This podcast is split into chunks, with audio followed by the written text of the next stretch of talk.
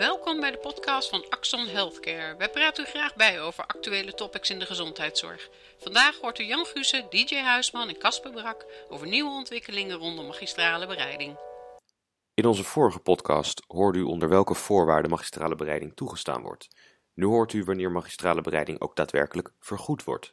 We hebben nu uh, gezien dat, er, uh, dat de minister nog een nieuwe brief heeft gestuurd over het uh, zorgverzekeringswet en wat hij daarin wil opnemen. Wat vond je daarin de opvallendste punten? Ja, een paar dingen vielen op. En dan refereer ik even aan het stukje wat met name over de geneeskundige zorg gaat, dus het intramurale stuk. Ehm, allereerst eigenlijk um, de rol die daar wordt toebedeeld aan het Zorginstituut als het gaat om het vergelijken van een, een, een, een nieuw geneesmiddel waarover de beoordeling gaat met een eventueel bestaande apotheekbereiding.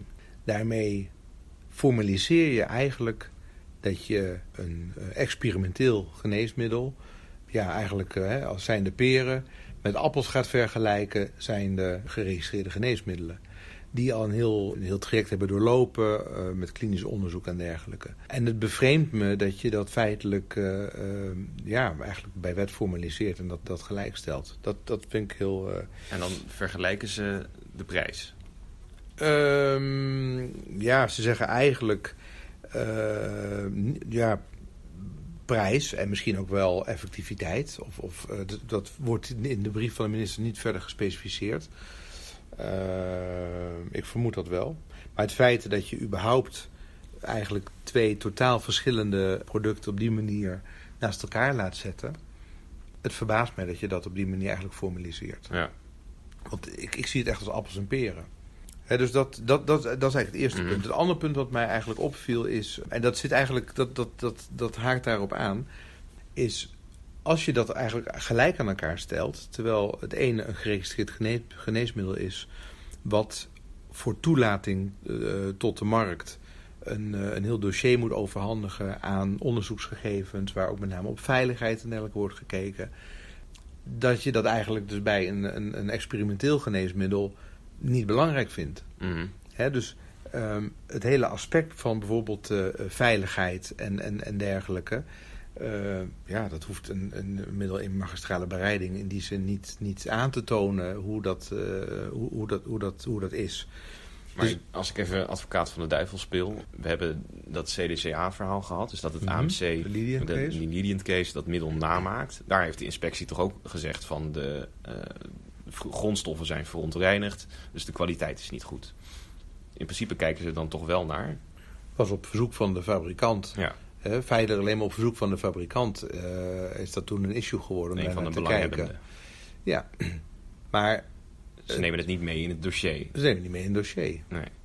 En daar ging, hier ging het over grondstoffen. Maar bedoel, überhaupt, ik weet niet of die het product vanuit die magistrale bereiding verder identiek is aan het geregistreerd geneesmiddel. Mm -hmm. Dus misschien zijn er nog wel heel veel andere facetten waar je nu niet aan denkt die een rol kunnen spelen in bepaalde complicaties, bijwerkingen, effectiviteit, et cetera.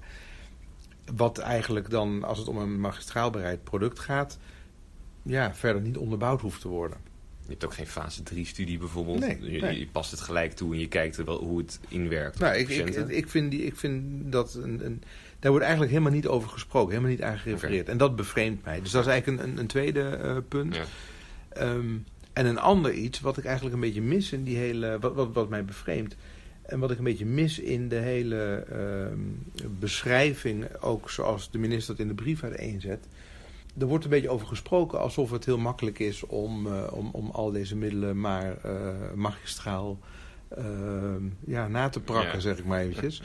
Terwijl natuurlijk heel veel van dit soort producten uiterst complex in elkaar zitten, ook qua productieproces. Dus uh, het voorbeeld hebben we toen al gehad met die uh, transvaalapotheek met uh, Orkambi. Hè? Mhm. Mm -hmm. Nou, dat, dat zou allemaal nagemaakt kunnen worden. Nou, dat bleek als puntje bij paaltje komt eigenlijk een stuk ingewikkelder te zijn. Um, eigenlijk wordt hier een beetje de suggestie gewekt alsof er eigenlijk helemaal geen barrière is op dat vlak. Terwijl, naar mijn mening, dat helemaal nog niet zo makkelijk is. Dus Ja. met andere woorden, moet het ook nog maar zien of het ook echt gaat gebeuren. nou ja, dat is eigenlijk een beetje de vraag die ik hiermee heb. Van, is dit nou een papieren tijger? Mhm. Hè, zoals de minister dit uiteenzet.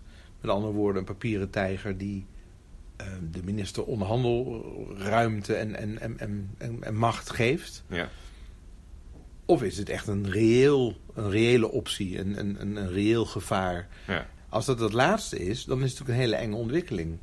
Dat is een hele enge ontwikkeling dat je eigenlijk appels en peren op die manier, als dan zo zie ik dan Mhm. magistrale bereiding versus een geregistreerd product, eigenlijk zo makkelijk naast elkaar zet en eigenlijk heel eenzijdig belicht. eh, dan vind ik dat eigenlijk een hele, hele enge ontwikkeling. En als het een, een, ja, slechts een papieren tijger is om eh, meer onderhandelkracht te krijgen.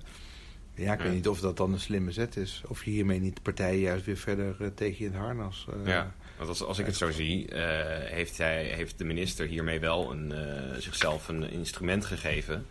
Eh, om uiteindelijk in de onderhandeling bij de farmaceut te zeggen: van goh, ik vergoed hem niet, dan is het middel er niet. Nou, en dan moet ik wel, eh, om voor de gezondheid op te komen van de patiënten, magistrale bereiding toestaan, want er is geen middel beschikbaar. Ja, maar dat, is dat, is, uiteindelijk natuurlijk wat er gebeurt. ja, dat, dat zeg je terecht, eh, te- terecht. Op het moment dat hij zegt van er is geen prijsafspraak gemaakt, dan is er eigenlijk geen sprake van een aanvaardbare prijs. Dus is het middel feitelijk niet beschikbaar. Mhm. Onder die voorwaarden die, die we met elkaar dan eh, geschikt zouden vinden. Dus moet ik naar een ander, eh, ander middel grijpen. En ik heb hiermee wat in, eh, in handen, een instrument in handen. Maar daarmee wordt het hele concept van magistrale bereiding wordt een, is geen zorginstrument meer, maar is dan gewoon een economisch Ja. eh, instrument. Daar wordt het instrument ook een beetje bot van eigenlijk. Nou, en dat, en dat bevreemdt mij wel uit, uit, dit, uit, uit, Ja. uit dit verhaal. Hè, dus ehm, hier staat, eigenlijk als je goed leest, staat hier best wel veel. En hier is volgens mij magistrale bereiding nooit voor bedoeld geweest. Die hebben we erop staan hoor. Die hebben we erop staan.